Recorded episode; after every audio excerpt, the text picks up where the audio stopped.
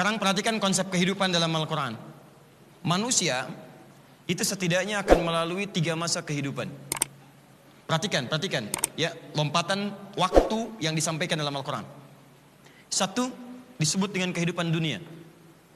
Kita sekarang ada di mana? Bukan, di Telkom University, Masjid Syamsul Ulum di Bandung. Ya, itu masuk dalam kategori kehidupan pertama, dunia. Baik. Perhatikan, perhatikan. Ini kelihatan sederhana tapi sangat penting. Setelah dari dunia ke mana? Barzakh. Barzakh. Pemisah. Kubur tempatnya. Setelah ini ke mana? Akhirat. Akhirat. Tiga alam ini. Perhatikan, perhatikan. Manusia sering kali membatasi aspek modernitas. Waktu yang sesuai dengan yang dialami pada aspek kehidupan pertama saja. Dia lupa bahwa dia akan hidup di masa yang kedua. Apakah fase modernitas yang ia alami saat di dunia akan juga dialami saat dia di alam marzahnya? Apakah fase modernitas saat yang ia alami di dunia akan pula ia alami saat dia berada hidup di surganya? Atau di akhiratnya? Hati-hati. Karena nanti konsep kehidupan di dunia beda dengan akhirat. Kalau anda hidup modern di dunia tapi tidak menyiapkan hidup modern saat di akhirat, ada yang rugi nanti yang anda dapatkan. Awas hati-hati karena dunia cuma sementara. Anda boleh bangga hidup sekarang. Teknologinya bagus, handphone Anda paling unggul, rumah Anda paling hebat, mobilnya paling mewah. Tapi maaf, Anda akan selesai dalam kehidupan ini.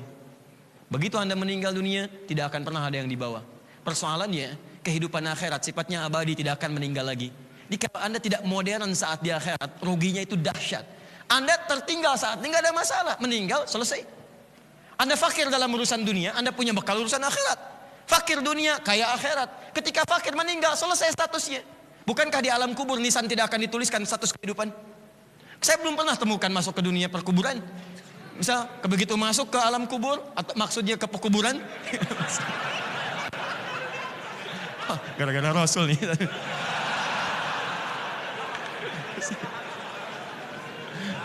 Aduh. Belum pernah saya masuk ke pekuburan menemukan lisan, tulisan misalnya mantan orang kaya dunia. Ini orang pakir banget tulisan. Gak ada. Semua sama Allah yarham almarhum doa, semua doa. Tapi lihat statusnya, fakir akhir, dunia, dia punya bekal modern akhirat, kaya dia. Ketika dia hidup di akhirat, karena akhirat gak ada meninggal lagi, kaya terus dalam kehidupannya. Tapi anda balik, kaya dunia, fakir akhirat. Status alam kubur sama, lisannya sama, saya maksudkan, tapi saat Anda kembali ke akhirat terjadi perbedaan yang luar biasa. Fakir selamanya di akhirat. Anda pilih mana? Yang pertama fakir dunia kaya akhirat atau dunia kaya fakir akhirat? Satu atau dua? Ah, Allah tawarkan yang ketiga bukan satu yang kedua. Anda mesti kaya dunia dan kaya akhirat. Anda mesti modern dunia dan modern akhirat. Dan itu yang harus disiapkan. Dan itulah kemudian, Alhamdulillah. Itulah kemudian yang ditampilkan tawaran dari Al-Quran dengan mengadopsi dan mengakomodir semua fase kehidupan kita sampai waktu yang paling ujung. Jadi kalau Anda cuma ambil konsep dunia, Anda berhenti di aspek ini, selesai.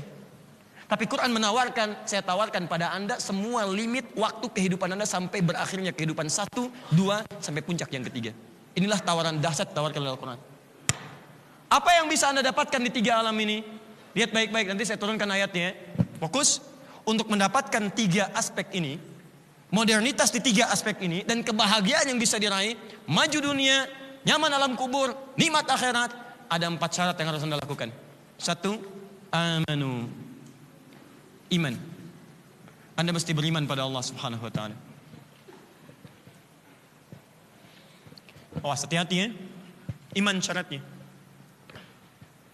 Jika ada seseorang, mohon maaf, ini dalam pemahaman kita ya, dalam pemahaman Islam, kalau ada seseorang tidak beriman pada Allah Subhanahu wa taala, maka dia disebut oleh Al-Qur'an mengalami, kerugian dalam setiap waktu yang ia lalui. Di setiap detiknya rugi.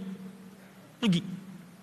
Walaupun mungkin dia bisa jawab, saya enggak, kok enggak rugi? Dagang saya laris, omset saya meningkat, ya pendapatan saya tinggi, enggak ada yang rugi. Memang kalau Anda lihat dari aspek dunia, terasanya seperti untung. Tapi yang kami tawarkan bukan urusan dunia saja, yang kami tawarkan untung dunia, untung akhirat. Perhatikan baik-baik. Ada beda perbuatan yang dikerjakan dengan iman yang tidak dengan iman. Lain. Tadi saya sampaikan. Lihat baik-baik ya. Fokus ya. Fokus. Ini apa? Isinya apa? Fungsi air kalau diminum apa? Menghilangkan apa? Kita buktikan, kita buktikan. Bismillah.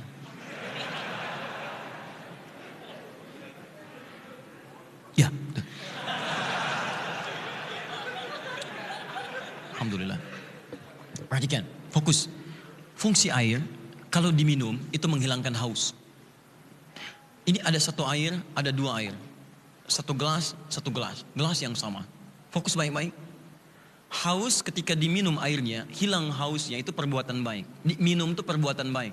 Tapi apakah setiap perbuatan baik itu punya nilai di sisi Allah? Belum tentu. Semua perbuatan baik tadi sudah kita bahas. Kalau ingin punya nilai di sisi Allah, maka itu mesti menjadi ihsan namanya. Bagaimana menjadikan aktivitas jadi ihsan? Kata Nabi gampang. Sebutkan kalimat Allah di dalam aktivitasnya. Kullu amrin dzibalin la yubda'u fi bismillahirrahmanirrahim fahuwa abdar. Setiap perbuatan baik yang tidak disertakan nama Allah bismillahirrahmanirrahim. Paling minimal bismillah terputus nilai kebaikannya di sisi Allah. Di saat Anda minum begini, Anda minum, teman Anda minum, sama dua-duanya menghilangkan haus, faidah dunia hilang. Tapi yang kedua, ini yang membedakan. Ketika Anda sebut Bismillahirrahmanirrahim, dalam minum ini dituliskan pahala 10 kebaikan.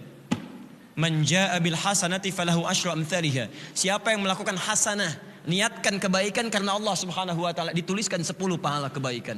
Di ketika Anda mengerjakan aktivitas dengan iman Anda, iman. Ini yang menyebabkan Anda memiliki bekal langsung untuk kehidupan Anda berikutnya. Di pada saat itu dunia Anda dapat dan akhirat pun Anda punya tabungan. Itu yang disebut dengan pahala. Dunia pahala kencana, akhirat kencananya dibuang, ya. Kemudian dapatkan pahalanya. Di begitu minum, bismillah, tuliskan pahalanya. Begitu Anda melangkah, bismillah, tuliskan pahalanya. Anda menulis, bismillah, tuliskan pahalanya. Ya Anda terima telepon, bismillah. Assalamualaikum. Halo? Halonya pembicaraan dunia, tapi kalimat salam dan bismillahnya itu yang melahirkan bekal Anda untuk menuju ke alam ini. Ustaz, kalau saya selfie dapat pahala enggak? Ceklik. Bismillah. nanti bahasan lain ya nanti. Lihat sini, lihat fokus. Fokus baik-baik. Di setiap pekerjaan yang Anda kerjakan, Anda iringi dengan iman, maka iman itu yang menghasilkan buah-buah kebaikan tabungan Anda untuk ke alam ini, ini dan ini. Anda nggak ketinggalan dunia karena pekerjaannya sama. Bukankah Anda kalau kuliah di kampus yang sama, fakultas yang sama, jurusan yang sama, prodi yang sama. Anda yang di Telkom University ini dengan 7 fakultas, 31 prodi, 29 ribu mahasiswa. Kalau lagi padat 27 ribu, kalau lagi senggang, ya. Kemudian wisuda 1000 sampai 1500, kalau padat jadi 2000. Itu luar biasa. Bukankah di kampus itu bukan hanya Anda saja, ada teman Anda, ada yang lain. Apa bedanya? Begitu belajar, bismillah. Pelajaran Anda niatkan karena Allah. Mulai dengan baik. Ada manfaat dunia, ada akhirat Anda raih. Pelajarannya sama, dosennya sama, perhatiannya sama, SKS-nya sama. Semua dapat, cuman bedanya apa? Anda punya nilai pahala nggak? Anda yang kerja juga sama, Anda berangkat pekerjaan di kantor yang sama. Apa yang kerja cuma Anda aja? Kan tidak ada teman Anda. Gajinya sama, divisinya sama, bagiannya sama, jamnya sama, pulangnya sama. Perbedaannya apa di hadapan Allah? Kalau nggak ada bedanya, apa beda Anda dengan mereka? Pasti ada bedanya. Bedanya apa? Begitu keluar rumah, Bismillah.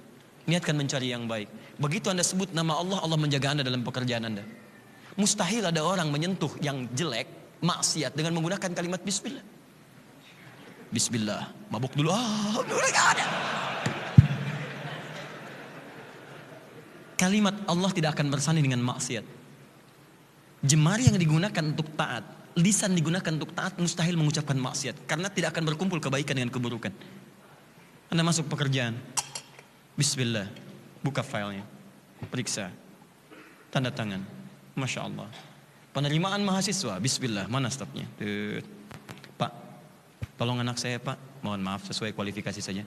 Ini 100 juta pak barangkali untuk memudahkan proses. Mohon maaf. Jari saya jadi tahiyat. Tidak bisa digunakan untuk maksiat. Masya Allah. Satu miliar pak. Saya istioroh dulu ya.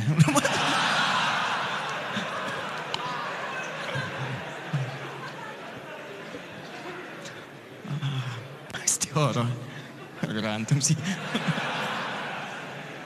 Aduh, Rasul. ya, fokus ini. Lihat.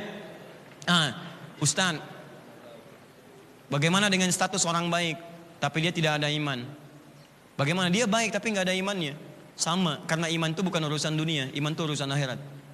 Maka dari itu turun Quran surah ke-25 ayat 23. Ini adilnya Allah itu luar biasa, luar biasa. Kalau ada orang tidak beriman berbuat baik, itu oleh Allah langsung diapresiasi kebaikannya, tapi dengan menggunakan hukum dunia.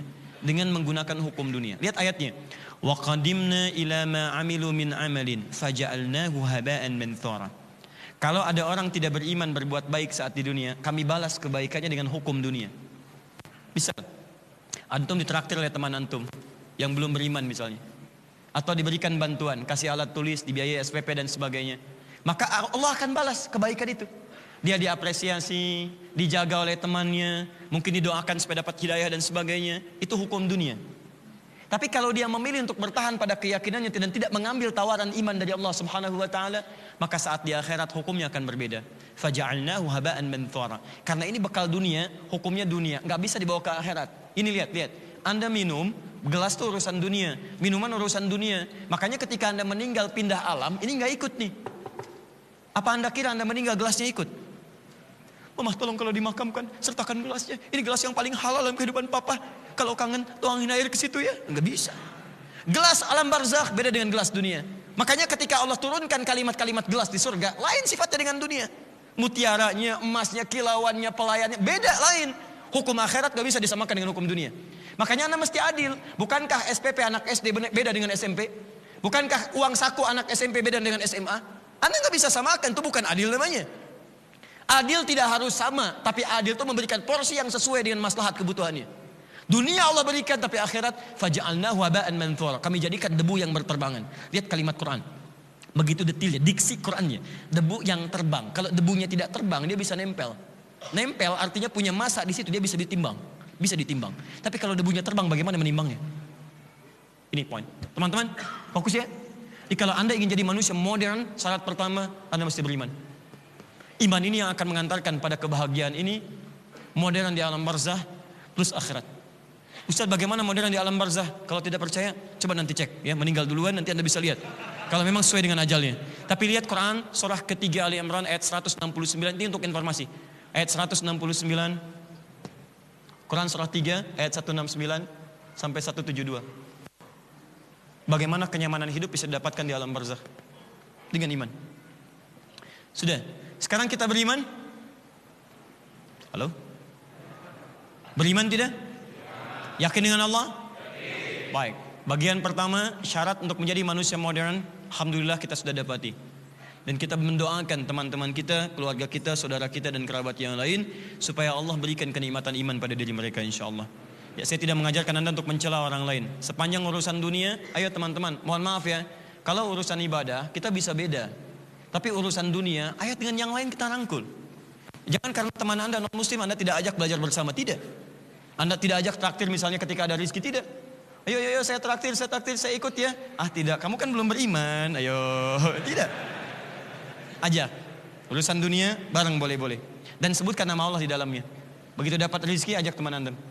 Hei kawan, ayo makan. Wah tumben traktir. Bukan, ben Allah yang perintahkan saya untuk berbagi dengan Anda. Bawa makan. Besoknya yang tanya lagi, eh belum ada perintah dari Allah. Dua, iman ini baru seperempat.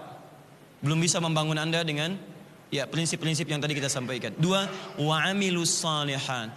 Dia bisa menerjemahkan iman itu dengan mengaktualisasikan iman dengan amal-amal saleh. Amal saleh.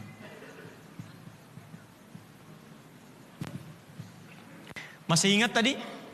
Masih ingat yang saya terangkan? Soleh itu mencakup berapa makna tadi? Empat. Satu apa? Tayyib, fisik yang kuat. Baik-baik. Yang kedua apa? Khair, pikiran-pikiran yang bagus, ide yang cemerlang. Kemudian yang ketiga apa? Ma'ruf, sikap-sikap yang mulia. Keempat apa? Ihsan, semua itu dikerjakan karena Allah Subhanahu wa taala. Kalimatnya singkat tapi isinya padat. Wa amilus salihat dia aktualisasikan nilai keimanannya dengan mengerjakan amal-amal yang bernilai saleh.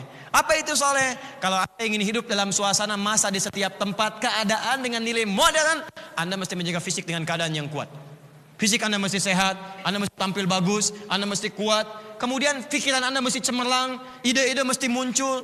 Kalau Anda ingin sesuai dengan zamannya, ingin diakui oleh tempat di mana pun Anda hadir, ingin diakui oleh waktu di mana pun Anda hadir, teman-teman, syarat yang kedua, Anda itu mesti kreatif. Munculkan ide yang cemerlang, munculkan ide yang bagus-bagus, munculkan sifat yang baik-baik.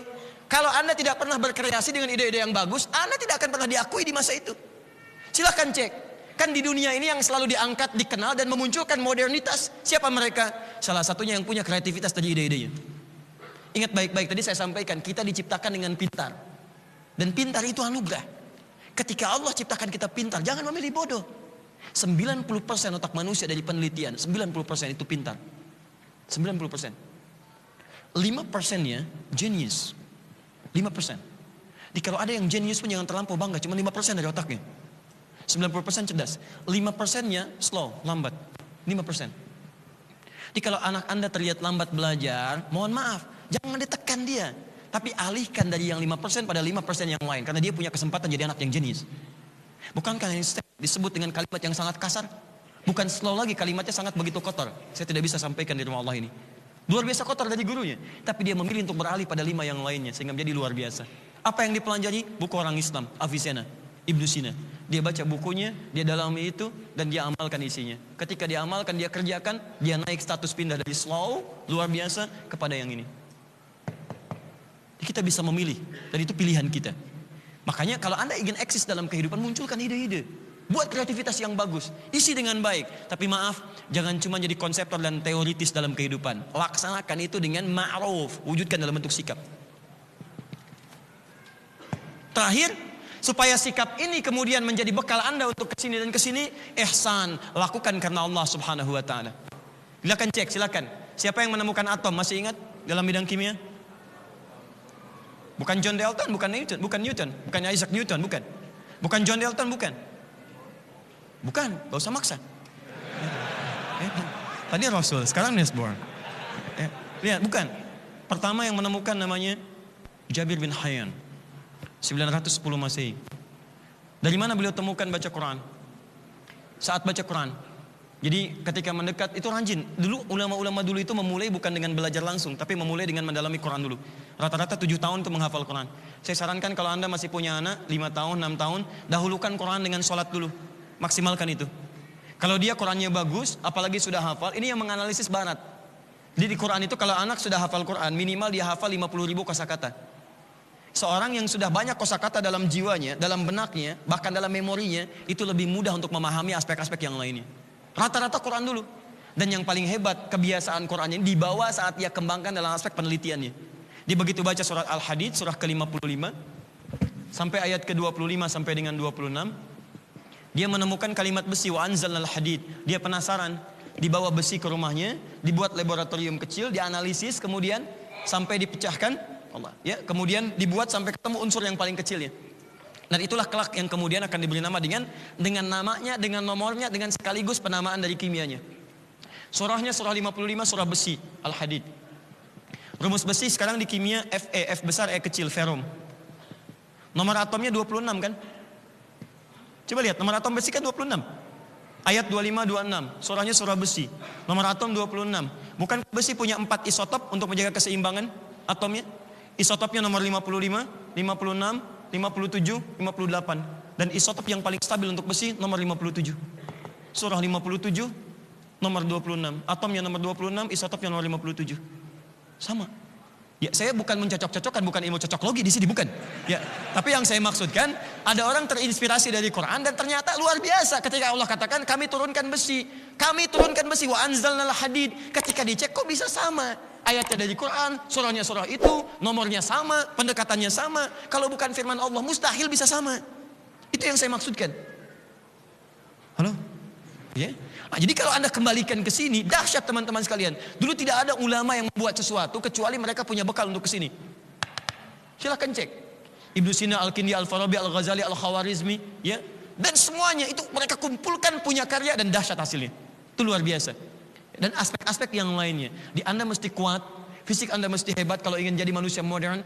Anda punya harus punya kreativitas, ide-ide yang cemerlang. Ayo belajar yang luar biasa, kumpulkan pemahaman yang baik. Yang ketiga, mohon maaf, aktualisasikan ide itu dalam bentuk penjabaran-penjabaran, jangan jadi konseptor saja. Yang keempat, lakukan karena Allah Subhanahu wa taala. Itu bedanya kita dengan yang lain. maka Anda akan mendapatkan nilai-nilai ini. Tapi belum semuanya, belum. Tahan sebentar, tahan. Saya turunkan pelan-pelan, pelan-pelan. Amal soleh dalam Quran bukan sekedar tadi, tapi itu akan dibagi dua bagian.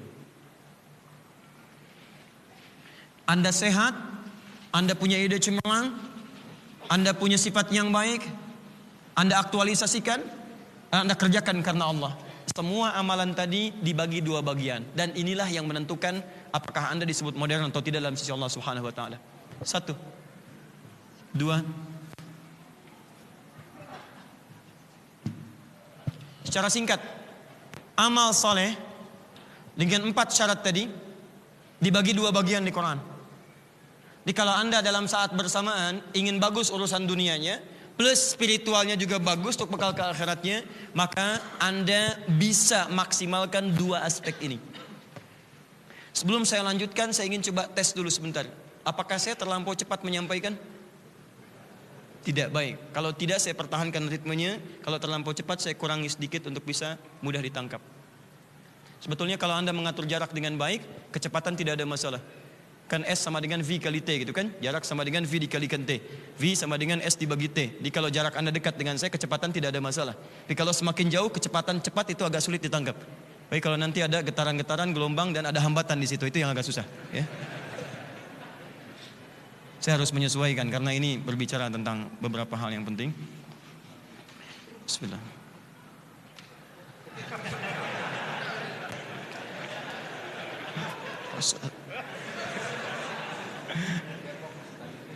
Al-bu'dul rabbani. Satu, dimensi pertama, dimensi spiritual. Dimensi spiritual. Ini dia. Awas ya, ini isinya, penggeraknya. Jadi kalau Anda tanpa ini, ini berbahaya. Ya. Ini amalan pertama di sisi spiritual. Wujudnya ibadah ritual. Wujudnya ibadah ritual. Jadi kalau Anda ingin jadi manusia modern, kuat empat aspek tadi, selamat di tiga alam ini, maka Anda harus maksimalkan yang pertama amalan-amalan ritual.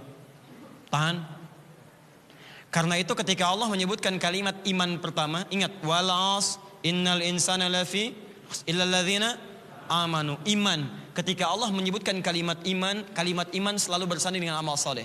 Dan menariknya, kalimat iman pertama di Quran disandingkan dengan amal soleh yang berwujud ibadah ritual. Al-Baqarah ayat ketiga sampai dengan ayat kelimanya. Perhatikan baik-baik. Al-Baqarah ayat ketiga, paling kiri di pertengahan alladzina yu'minuna bil ghaib. Yu'minun dari kata iman. Awas hati-hati, yaitu orang-orang yang senantiasa meningkatkan imannya kepada Allah. Walaupun Allah belum tampak dalam pandangannya. Ghaib. Fokus. Lalu dia buktikan iman itu wa yuqimuna sholat. Dengan memaksimalkan, menyempurnakan sholatnya. Sholat itu amalan ritual atau amalan yang lain? Ritual. Kaitan dengan spiritual. Satu, sholat. Nanti saya kasih rahasia di akhirnya. Fokus. Satu apa? Salat. Dua, wa mimma razaqnahum yunfiqun. Infak. Awas, infak bukan hanya sekedar amalan sosial, tapi ada nilai-nilai nanti spiritualnya di situ. Tiga, walladzina yu'minuna bima unzila ilaik. Dia gemar berinteraksi dengan Al-Quran. Al-Quran interaksi dengan Al-Quran. Masya Allah.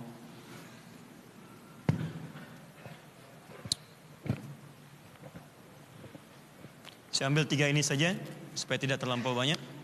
Dan saya cukupkan dulu di sini nanti ya. Baik, kita mulai yang pertama. Lihat baik-baik. Alladzina yu'minuna bil ghaib. Pertama orang takwa itu adalah orang-orang yang senantiasa meningkatkan imannya. Jadi kalau Anda ingin terlibat dalam nuansa-nuansa modern diakui oleh Allah sesuai dengan perkembangan Anda harus selalu meningkatkan iman. Tingkatkan tingkatkan. Bagaimana cara melatih meningkatkannya? Wa yuqimunas shalah Anda sempurnakan salat Anda. Saya kasih rahasia besar di sini ya. Fokus ini antara kita saja jangan dibuka keluar ya. Lihat sini. Nabi sangat memberikan penegasan yang luar biasa pada yang pertama ini. Bahkan beliau katakan anak usia tujuh tahun amalan pertama yang harus diajarkan sholatnya sholat dulu jangan dulu yang lain Bahkan kalau 10 tahun sulit sholat, beri, berikan ia pelajaran membuat ia mengerti tentang manfaat sholat. Kenapa Nabi sangat menekankan begitu awal balik, bahkan di awal-awal masa menjelang balik, sholat, sholat, sholat, sholat. Ada apa di balik sholat itu? Ternyata salah satu manfaatnya, sholat itu adalah di antara yang akan menghasilkan kekuatan besar membimbing kita untuk selaras dengan setiap masa yang kita lalui. Anda akan terjaga. Oh hati-hati, sholat ya. Karena itu saya tekankan betul, mohon maaf ya Bapak Ibu sekalian. Saya ini agak-agak bukan tidak sepakat tapi sering kali agak rewel untuk bisa memberikan penerangan ya dan penegasan kepada teman-teman di lembaga-lembaga sekolah gitu. Ya, dulu anak-anak TK dulu tuh yang diajarkan sholat dulu, sholatnya maksimalkan ya. Sekarang sholat belum bagus sudah manasik gitu. Manasik itu. Enggak salah sih tidak. Cuman haji kan rukun yang kelima. Sholat rukun yang kedua kan. Eh, yang kedua belum maksimal sudah yang kelima. Ya, makanya lihat rahasianya. Nabi nantiasa ajak cucunya ke masjid kadang-kadang naik ya ke pundak beliau. Tapi tidak mengganggu yang lain karena sering dikenalkan ini rumusnya. Kalau anda ingin membiasakan anak ke masjid khusus yang laki-laki sebelum dia masaknya untuk sholat ajak dulu ke masjid. Bukan dalam waktu sholat. Misal zuhur jam 12 misalnya kan lewat 5 jam setengah jam 11 anda ajak main-main. Berangkat Gini cara masuk masjid, kaki yang kanan dulu. Ya kalau mau lari di daerah ini saja, ini tempat imam. Kalau ada jadi imam nanti akan begini, begini, begini. Di tempat khatib, kalau sedang sholat nanti baris akan rapi, bagus. Ada yang boleh bercanda tapi bercanda di sini aja ya. Kenalkan dulu. Sehingga ketika dia mendapatkan dunia realnya saat waktu sholat sudah terbiasa dengan keadaan itu. Dengan keadaan itu. Nah dulu diajarkannya seperti itu. Tidak salah anak ajak anak kah? Gak boleh ya, maaf hati-hati. Ada pemahaman yang kurang tepat. Menghindarkan anak ke masjid itu pemahaman yang keliru. Demi Allah saya katakan, kalau Anda tidak mendapatkan suara anak-anak di masjid, kita mesti khawatir. Kita mesti khawatir. Jangan takut ya, jangan takut Anda misalnya terganggu dengan keadaan anak. Kalau kita benar-benar mengajarkannya, akan nikmat keadaan sholat ketika membawa anak ke masjid. Yang salah itu kadang-kadang kita belum ajarkan sudah dibawa ke masjid. Sehingga perasaan dia seperti perasaan di rumah. Apalagi ada sebagian orang tua yang salah dalam memberikan isyaratnya. Di rumah anak rame, main, kata bapaknya. Rame aja, sana main ke masjid. Main ke masjid. Karena kalimat minta ke masjidnya diminta main. Itu yang jadi masalah. Nah teman-teman, kalau saya turunkan nanti manfaat dari sholat, kenapa saya sebutkan sholat yang pertama? Lihat baik-baik. Karena nanti dalam sholat itu kalau anda benar sholatnya, ini Quran langsung menjamin. Quran langsung menjamin anda akan mendapatkan lima keistimewaan. Yang tidak didapatkan oleh orang yang tidak sholat. Lima keistimewaan. Tapi ingat, sholatnya seperti yang Quran inginkan, bukan sholat biasa. Saya agak cepat ya, agak cepat. Satu, anda akan dijamin jadi orang baik. Jadi kalau Anda kerjakan sholat, Anda pasti baik. Satu, baik. Dalilnya Quran, surah ke-29, ayat ke-45. Dua, hati Anda cenderung lebih tenang, tenang. Orang yang tenang cenderung mudah melahirkan ide-ide yang kreatif, yang bagus. Orang yang tenang cenderung lebih fokus. Orang yang tenang cenderung lebih mengeluarkan hal-hal yang bijak dalam pemikiran dan sebagainya. Tenang. Quran surah ke-13. Kita ambil misalnya ayat ke-28 di tafsir di Quran uh, cantumkan kemudian ke surah ke-20 ayat ke-14. Tiga, orang yang sholat dijamin oleh Allah diberikan solusi termudah dalam setiap kesulitan hidupnya. Solusi termudah. Quran surah ke-65 ayat 2 sampai 3. Ditafsir di Quran surah kedua ayat 2 sampai 3. Empat, orang yang sholat dijamin oleh Allah. Ketika bermohon dalam sholatnya, kalau benar sholatnya, maka permohonannya akan dikabulkan oleh Allah saat itu kalau sesuai dengan masalah hidupnya. Cepat dikabulkannya doa. Di Quran surah ketiga ayat 38 sampai 39. Yang kelima, ini yang paling dahsyat. Orang yang sholatnya benar diberikan bimbingan dan jaminan oleh Allah akan sukses dan bahagia dalam setiap aktivitas hidupnya. Sukses dan bahagia. Quran surah ke-23 ayat 1 sampai 2. Lihat sini, saya masuk bagian kelima saja nih. Sukses dan bahagia dalam setiap aktivitas di setiap masa. Di, jadi di bahasa Arab itu ada sukses saja, ada sukses, ada bahagia saja. Kalau sukses saja tapi belum tentu bahagia. Ada yang bahagia tapi umumnya belum masuk makna ini. Namanya fauz. Derivasinya disebutkan 29 kali di Quran. Ada fauzi, fauzan, faizin, faizah dan seterusnya. Itu sukses tapi belum tentu bahagia. Jadi kalau ada yang di sini namanya faiz, faizah, faizin, fauzan. Ya fauzi artinya orang yang diharapkan sukses dalam kehidupannya.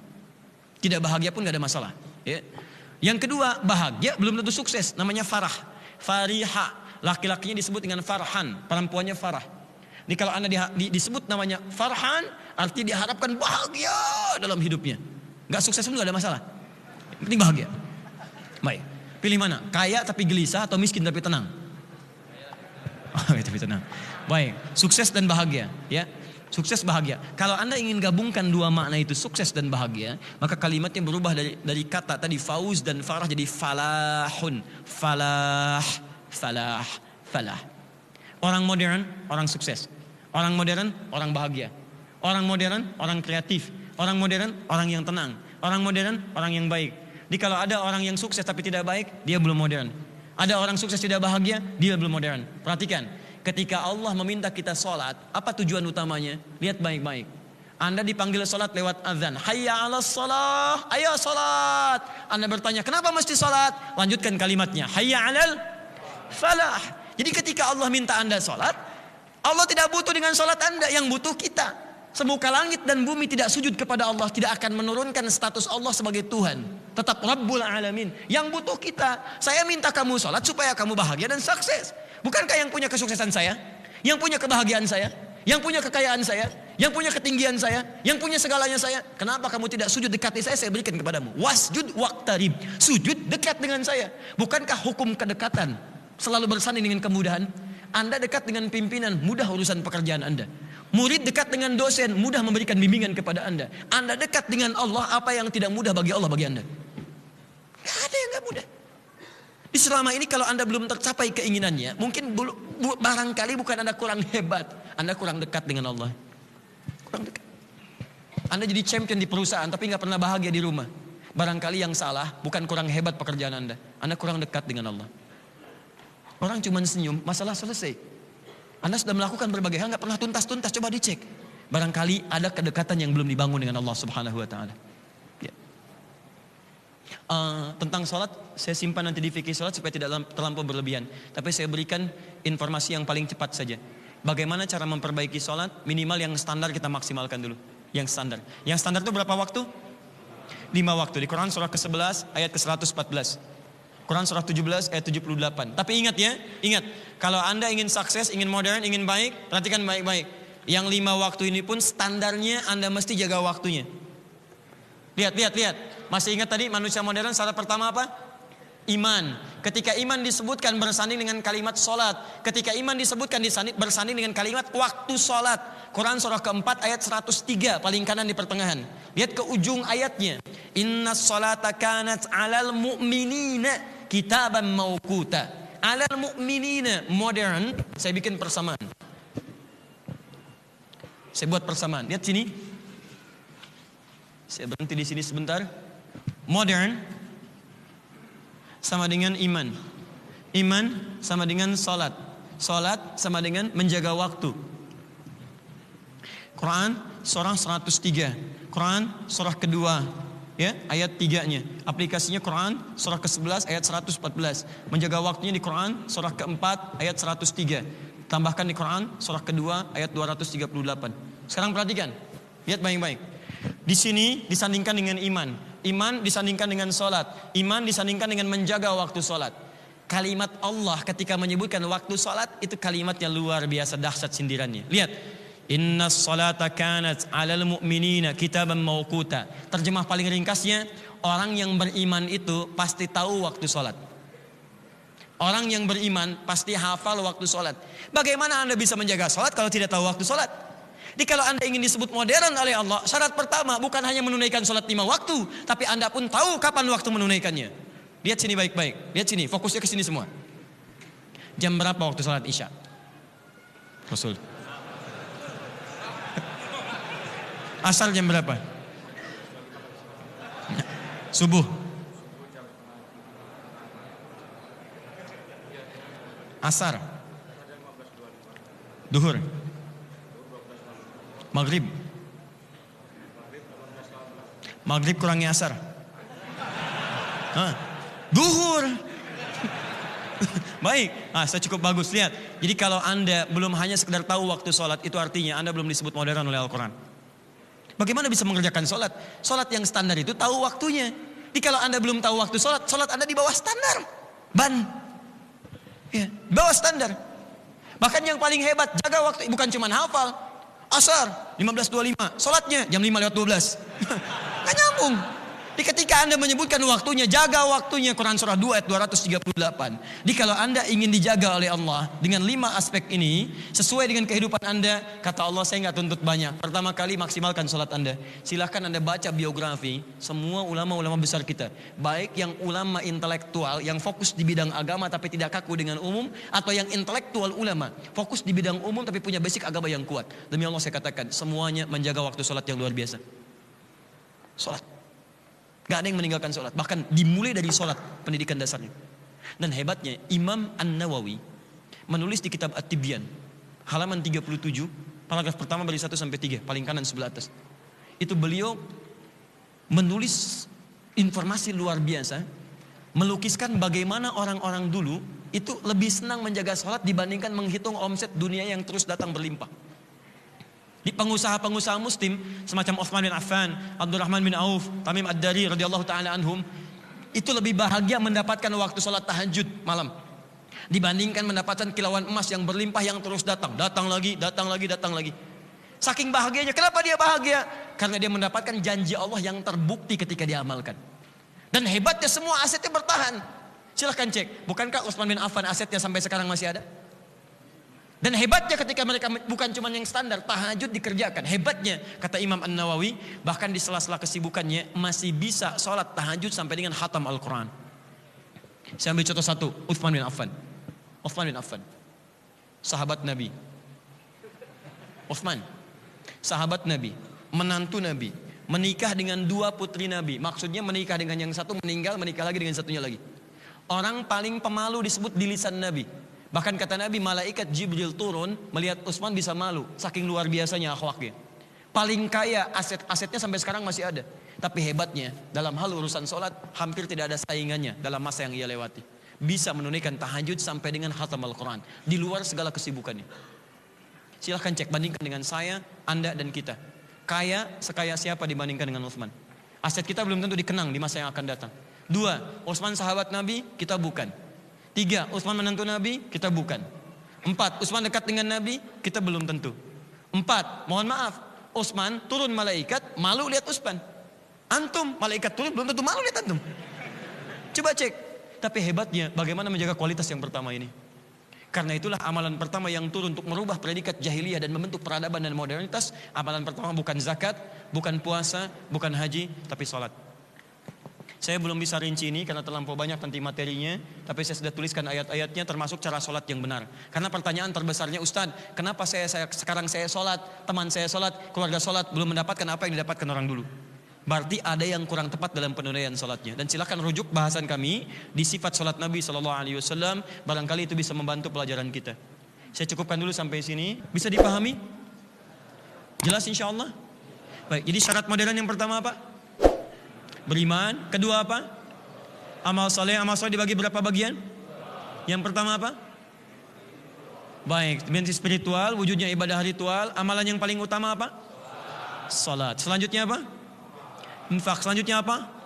Interaksi dengan Al-Quran. Baik, saya kira itu. Terima kasih dan mohon maaf atas kekurangannya. Subhanakallahumma bihamdika asyhadu an la ilaha illa anta astaghfiruka wa atubu ilaik. Wa akhiru da'wan alhamdulillah rabbil alamin. Allahu minkum. Assalamualaikum warahmatullahi wabarakatuh.